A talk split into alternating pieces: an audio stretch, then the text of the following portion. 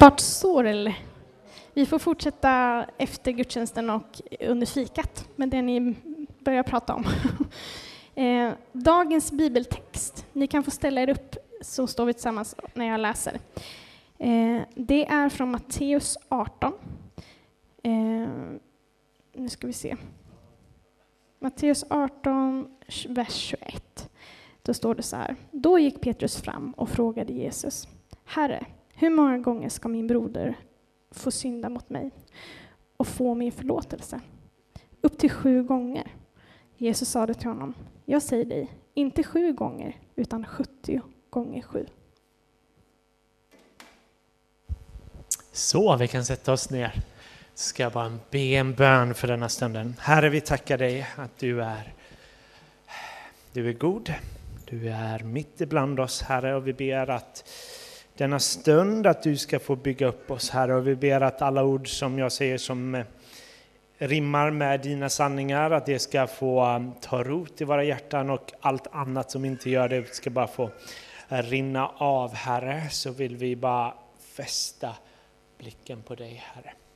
I Jesu namn. Amen. Amen. Um, det har varit så härligt lovsjungande. Det känns som jag ska gå in på ett så allvarsamt ämne nu, så jag försöker byta mood till, vi ska prata om förlåtelse. Eh, ett stort och viktigt ämne. Jag vet inte riktigt hur ni förhåller er till ordet förlåtelse. Eh, en del eh, tror jag har en positiv grej, men förlåtelse är bra. En sån fantastisk idé i teorin, men ibland smärtsam i praktiken. Eh, och jag vill eh, lite känna problemet, utmaningen med att förlåta idag. Har ni tänkt på att man sällan hör om förlåtelse på nyheterna eller från våra mus äh, musiker, politiker menar jag. Kom igen nu.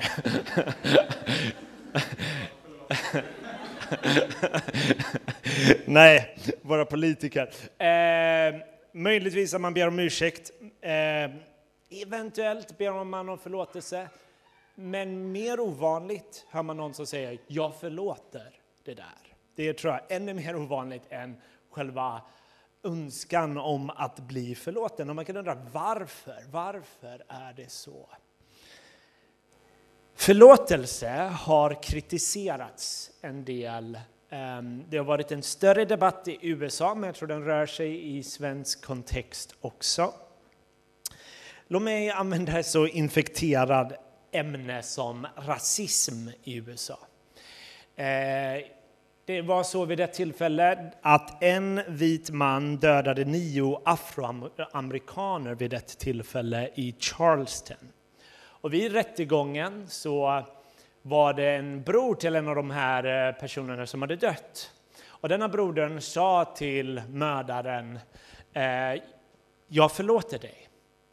Och det var många som tyckte det var fint, en härlig gest, men det blev också ramaskri. Där folk tyckte det här var en fruktansvärd grej att göra. För dem så menar man att förlåtelse är att låta förövaren ha kvar sin makt. Eh, förlåtelse är det som lämnar kvar liksom den här maktpositionen mellan offret och förövaren. Ehm, så det var till exempel en person, Daniel Berry, som eh, eh, skrev i Washington Post att man måste sluta förlåta rasister, skrev hon. Och i en annan tidning så skrev hon att förlåtelse är överskattat. Att, off, att eh, offer ska förlåta sina förövare är dårskap. Istället för att förlåta så måste vi märka dem, tatuera på deras pannor de brott de har begått. Så vi vet vilka som är farliga, påstod hon. Och så det sättet vi beskyddar våra barn. Och min stora fråga till er är, stämmer det här? Är förlåtelse mot rättvisa? Är förlåtelse att ge makt åt förövaren? Eh, är förlåtelse överskattat? Och som kristna bör vi ta en sån utmaning på största allvar. Varför? Jo, Bibelns DNA handlar om förlåtelse. Hela den här boken är fylld av berättelser om förlåtelse och försoning.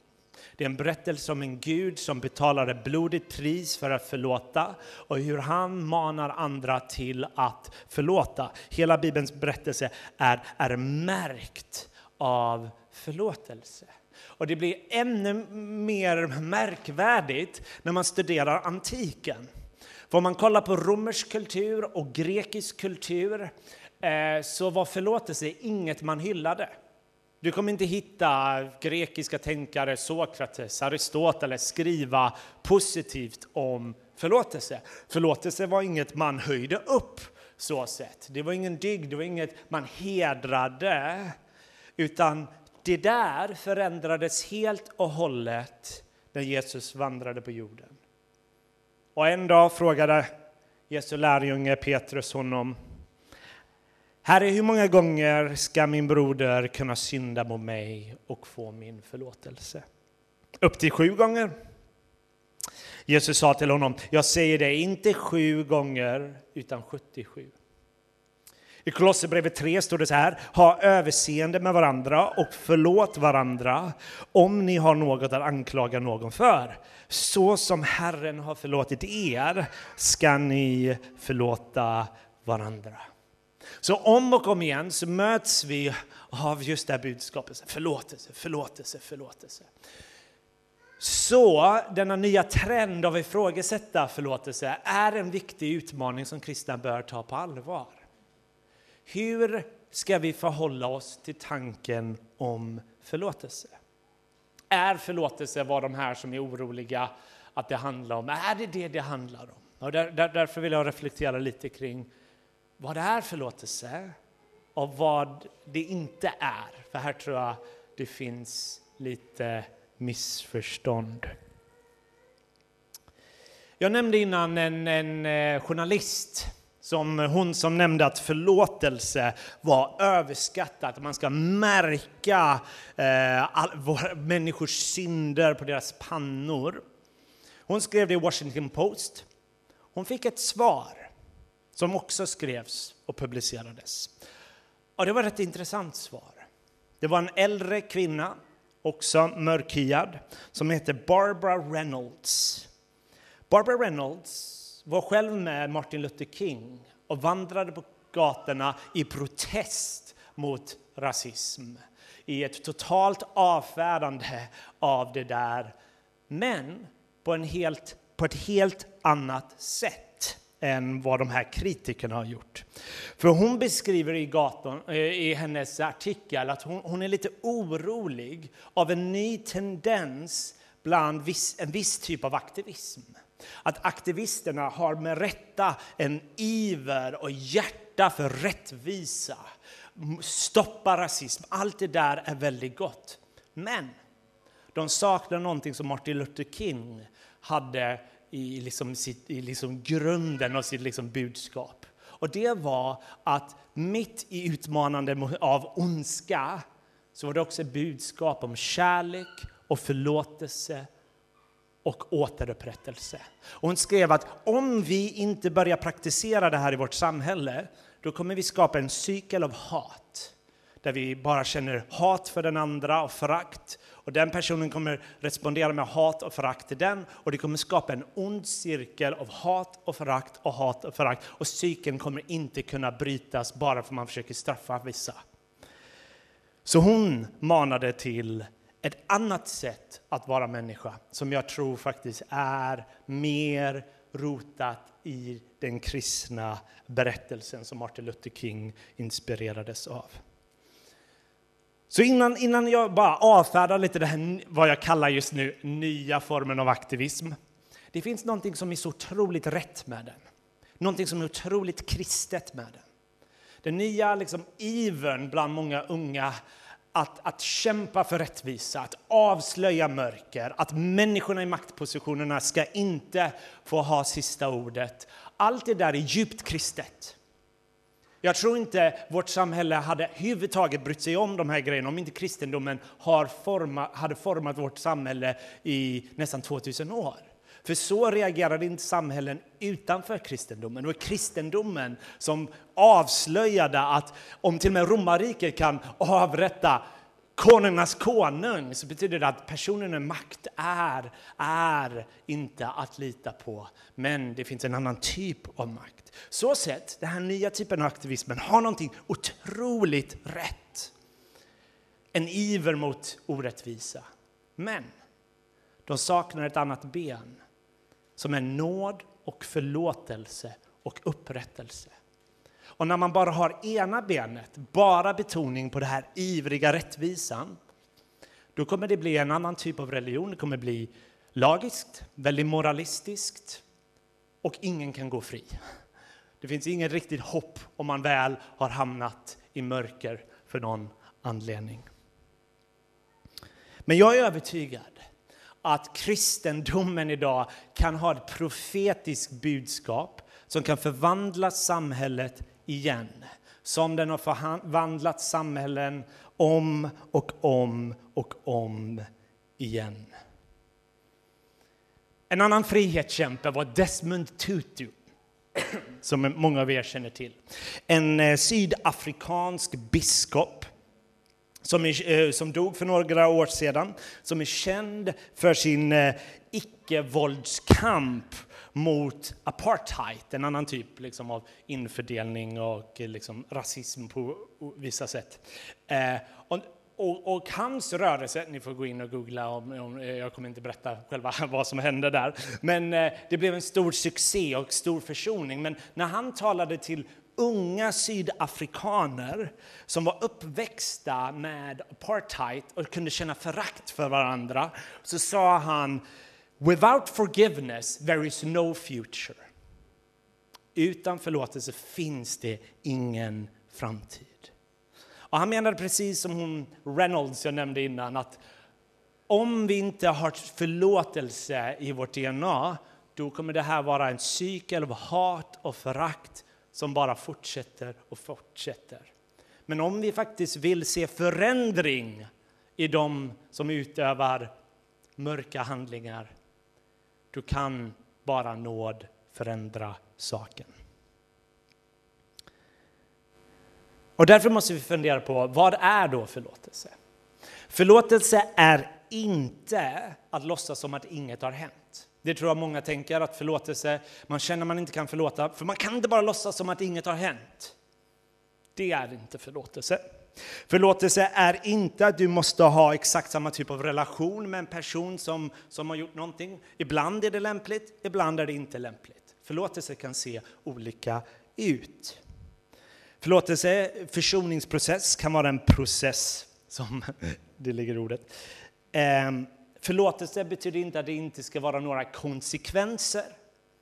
Jag tror att det absolut kan vara, man kan ha förlorat förtroendet och man kan inte låtsas som om det inte har hänt.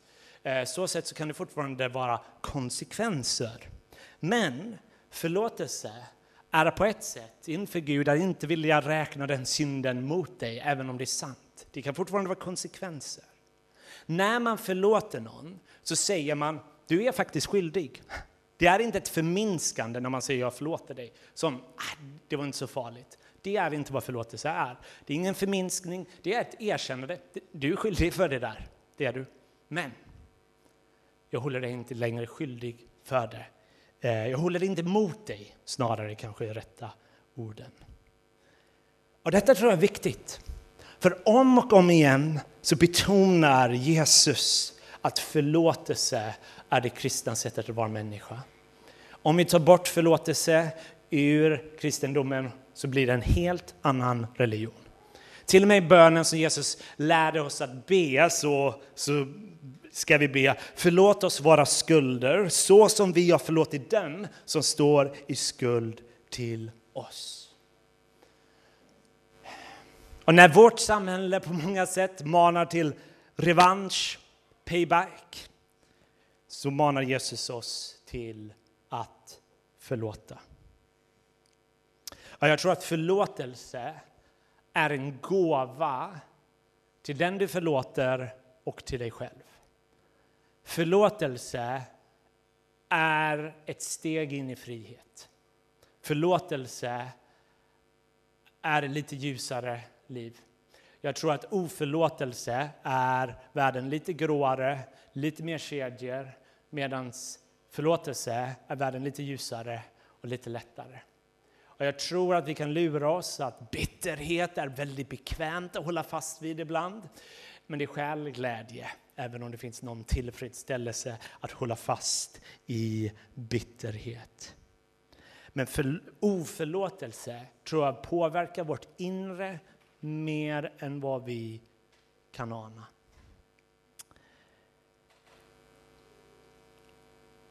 Har någon sett, läst Les Miserables? Några nickande. Det är både en bok och en musikal och en film som man kan ha sett det på olika sätt. Les Miserables, eh, jag ska inte spoila slutet, men jag vill bara säga att Les Miserables, en känd bok och eh, musikal, har en av de mest fascinerande berättelserna om nåd och lag som jag vet om. Som jag tror lite illustrerar makten av nåd. Vad nåd kan göra som inte lag kan göra. Så det handlar om en man som heter Jean Valjean som eh, eh börjar som brottsling och eh, en dag så träffar han en präst. Den här prästen välkomnar honom in i sitt hem. Han får äta mat, han får en säng att sova i. Han möts av generositet. Men mitt i natten så vaknar Jean Valjean, han snor så mycket guld han kan se i prästens hem och försvinner. Polisen tar honom och säger, var har du fått all det här guld? Och han sa, prästen gav den till mig. Och han poliserna tror inte på det. Det är klart han inte gett det all den här gulden. Så de tar Jean Valjean till prästen och säger den här mannen påstår att han fick all det här guldet av dig. Och prästen svarar, det fick han. Han glömde lite, här får han mer. Och vad Jean Valjean möter är nåd. Nåd i överflöd. Och i berättelsen så förvandlar det här hans liv helt och hållet. Så man hoppar fram, jag vet inte om det är 10-15 år eller något. Och han har ett nytt liv. Han är en borgmästare i en liten stad och han tjänar människor. Han älskar den, liksom, han ser de förtryckta och försöker hjälpa dem. Man ser att han har förvandlats. Av mötet och nåd så kunde han bryta med mörkret och välja ljus. Eh, senare så slutar det med att en polis jagar honom. Och det som är intressant med polisen är att polisen bryter aldrig lagen. Så sett gör han inget som är tekniskt sett fel. Men det finns ingen barmhärtighet i honom. Han är inte god som karaktär. Även om han lyder lagarna, det är inte som att han gör eh, liksom brott på något sätt. Och det, det är det som är rätt fascinerande, att, att trots att han väljer, trots att han lyder lagarna så, så, har inte hans hjärta förvandlats. Men Charles Valjean som har fått möta nåd, hans hjärta har förvandlats. Jag blir påmind om det Jesus säger i Lukas 7 om en kvinna som smorde hans fötter. Och folk är förundrade hur Jesus möter denna kvinna, kvinnan. De vet att hon har någon eh, märklig bakgrund. Och han säger, därför säger jag dig, hon har fått förlåtelse för sina många synder. Det är därför hon visar så stor kärlek. Förlåtelse är en gåva vi kan ge till en annan person och till dig själv. Och, och jag tror att här, fastna, här har jag fastnat, liksom så här, att jag alltid tänkt att förlåtelse handlar om att jag ska känna för att förlåta. Att det ska liksom, ah, det måste kännas så autentiskt att förlåta. Så jag väntar tills liksom alla mina känslor är i plats. Men om jag tänker så kommer jag aldrig förlåta någon. Jag kommer inte förlåta någon det kommer ta väldigt lång tid tills jag kanske känner för att förlåta någon. Men jag tror förlåtelse är inte bara en känsla, eller jag skulle nog säga att det inte är en känsla. Det är någonting vi gör. Jag har själv ett minne för fem, sex år sedan där några vänner bad för mig och vi bad om något helt annat och så en vän till mig bara hmm, hon visste någonting i mitt förflutna med, liksom, en släkting om någonting, eh, men jag trodde inte liksom att jag hade förlåtelseproblem helt. Men hon bara kände bara, hmm, har du förlåtit den personen Joel? Och jag bara, Eh, jag tror det. Det känns inte som att jag går runt bitter eller så här. Eh, och jag tänkte, ah, ja, nu kan jag inte inte säga att jag ska förlåta personen, så jag får väl bara uttrycka orden. Och när jag gjorde det så blev jag chockad. För det var som en explosion i min kropp. Där det var liksom som en, en frihet jag fick ta del av. Och jag vet att så fort jag berättar det här så vill jag bara, ah, det är lite farligt för att det är inte den normala erfarenheten när man bara säger jag förlåter den personen. Liksom så här. Det är inte det normala. Men det var, blev en konkret händelse för mig där jag bara egentligen uttalade orden. Det var egentligen vad det enda jag gjorde.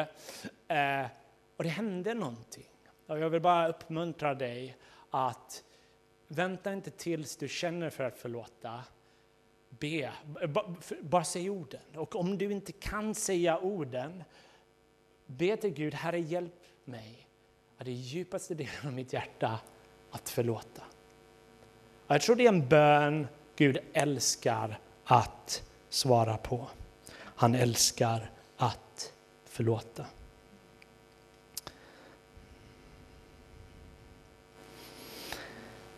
Ehm, jag vill börja lite ehm, avrunda med en berättelse som har berört mig. En del av er kanske har sett det här på Youtube.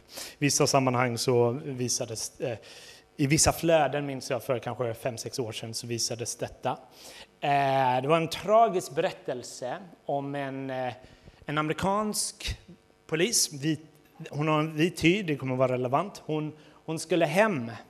Och när hon gick in för dörren där hon trodde hon bodde så var det en mörkhyad man, hon sköt honom. Han dog. Men det visade sig att hon hade gått in i fel dörr och att det här var en helt oskyldig människa som bodde där. Hon fick tio års fängelse. Många klagade på att det här är alldeles för milt. Det här måste vara mycket, mycket mer. Och hon står där i rättegången helt förstörd. Hon har inget att försvara sig med. Det är inte som att hon ville göra detta. Så får eh, han som har dött, hans eh, bror, få säga någonting till henne. Och han, säger, han börjar med att säga att han förstår att eh, eh det hon har tagit ifrån något väldigt, väldigt värdefullt. Det mest värdefulla han vet. Och han, börjar med, eh, han fortsätter med att säga att eh, han hoppas att hon ska söka Gud i fängelset. Att om hon kommer till Gud och ber om förlåtelse så kommer hon bli förlåten. Och så säger han, och jag kommer att förlåta dig. Och så säger han väldigt vackert, I love you just like anyone else. Och Eh, han säger att han inte vill att hon ska hamna i fängelse. Han tror inte hennes, hans bror hade velat det. Han vet bara att hans bror hade velat förlåta henne. Och eh, han bara önskar att man kunde göra någonting så hon slapp. Så han ber henne, får jag, ber domaren, får jag krama henne? Och domaren tillåter det. är en väldigt mäktig kram. De kramas eh, väldigt varmt. Och sen kollar domaren på hon Amber som hon heter och han ger sin egen bibel till Amber, domaren alltså, och säger det här är bibeln jag använder varje dag. Du har ett uppdrag i en månad nu. Du ska läsa Johannes 3.16, så älskade Gud världen. Och varje gång du läser världen, läs Amber. Så älskade Gud Amber, att han gav sin enfödde son. Förlåtelse har en kraft som inget annat. Förlåtelse bryter mörka, destruktiva mönster i människor. Förlåtelse är en kraft som Jesus förlöst ut på den här jorden och generationer efter generationer har spridit detta ljus. Och han har förlåtit oss. Om och om igen känner jag hur ovärdig jag är att ens vara en predikant. Eh, mina många tillkortakommanden och jag vet att jag är en Gud som är snabb till att förlåta. Och han vet att förlåtelse kostar. Han betalade blodigt pris för vår frihet. Men det är en frihet vi kan ta del av. Och vi kan ta del av mer och mer av den friheten när vi ger vidare vad vi har fått. Därför rotar ofta liksom Paulus och Jesus förlåtelse i att han har förlåtit oss först. Vi förlåter för han har förlåtit oss först. Och det är genom den här strömmen av förlåtelse som går genom nation och nation och generation och generation som kan vända denna världen upp och ner, vända det här samhället upp och ner, vända våra liv och hjärtan upp och ner. Och jag blir påmind ibland, tänk om Gud inte finns. Tänk också om man begår, man gör någonting som Amber, man råkar döda en person. Liksom. Hur får man förlåtelse där? Personen hon dödade är död. Det finns tekniskt sett ingen återlösning. Andra kan säga eh, liksom, eh, det kommer bli bra. Men man kommer alltid leva med en skuld, för det är ingen som kan förlåta dig. Evangeliet ger hopp om att det faktiskt finns återlösning, förlåtelse för alla som vill ta del av den. De goda nyheterna är att det finns. Det är att det finns. Och eh, jag ska ta en stund i bön alldeles strax och även i, tystnad. Eh, men jag vill läsa psalm 130. Eh, så, så vill jag bara, ah, vi ska samla våra tankar och eh, sen ska jag be för oss. Psalm 130 står det så här. Om du la synder på minnet, Herre, vem kunde bestå? Men hos dig finns förlåtelse. Därför fruktar man och värdar dig. Låt oss bara samla våra tankar lite.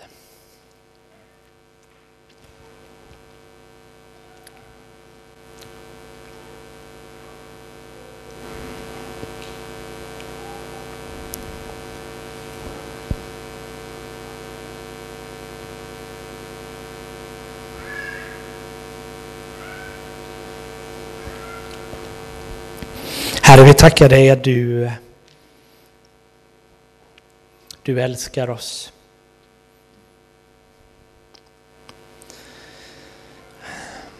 Herre, vi ber om att, eh, att du ska välsigna oss denna stunden, Herre. Du vet vad som försiggår i våra hjärtan och våra tankar, Herre. En del av oss kanske känner att vår, till, eh, vår tillkortakommanden, våra, våran eh, kanske bitterhet, eh, är påtaglig. Och Herre, tack att du förlåter oss. Tack att vi kan överlämna allt det där inför dina fötter och känna att hos dig finns förlåtelse. Och herre, jag ber också för, för oss, för mig själv och för alla andra här, Herre. Om det finns personer vi borde förlåta, påminn oss om det i våra hjärtan denna stund.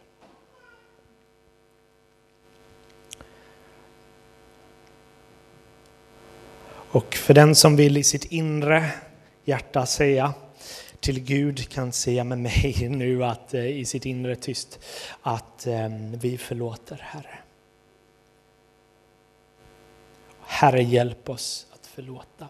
Hjälp oss också förstå att du har förlåtit oss så mycket Herre. Hur kan vi inte förlåta vid korsets fötter?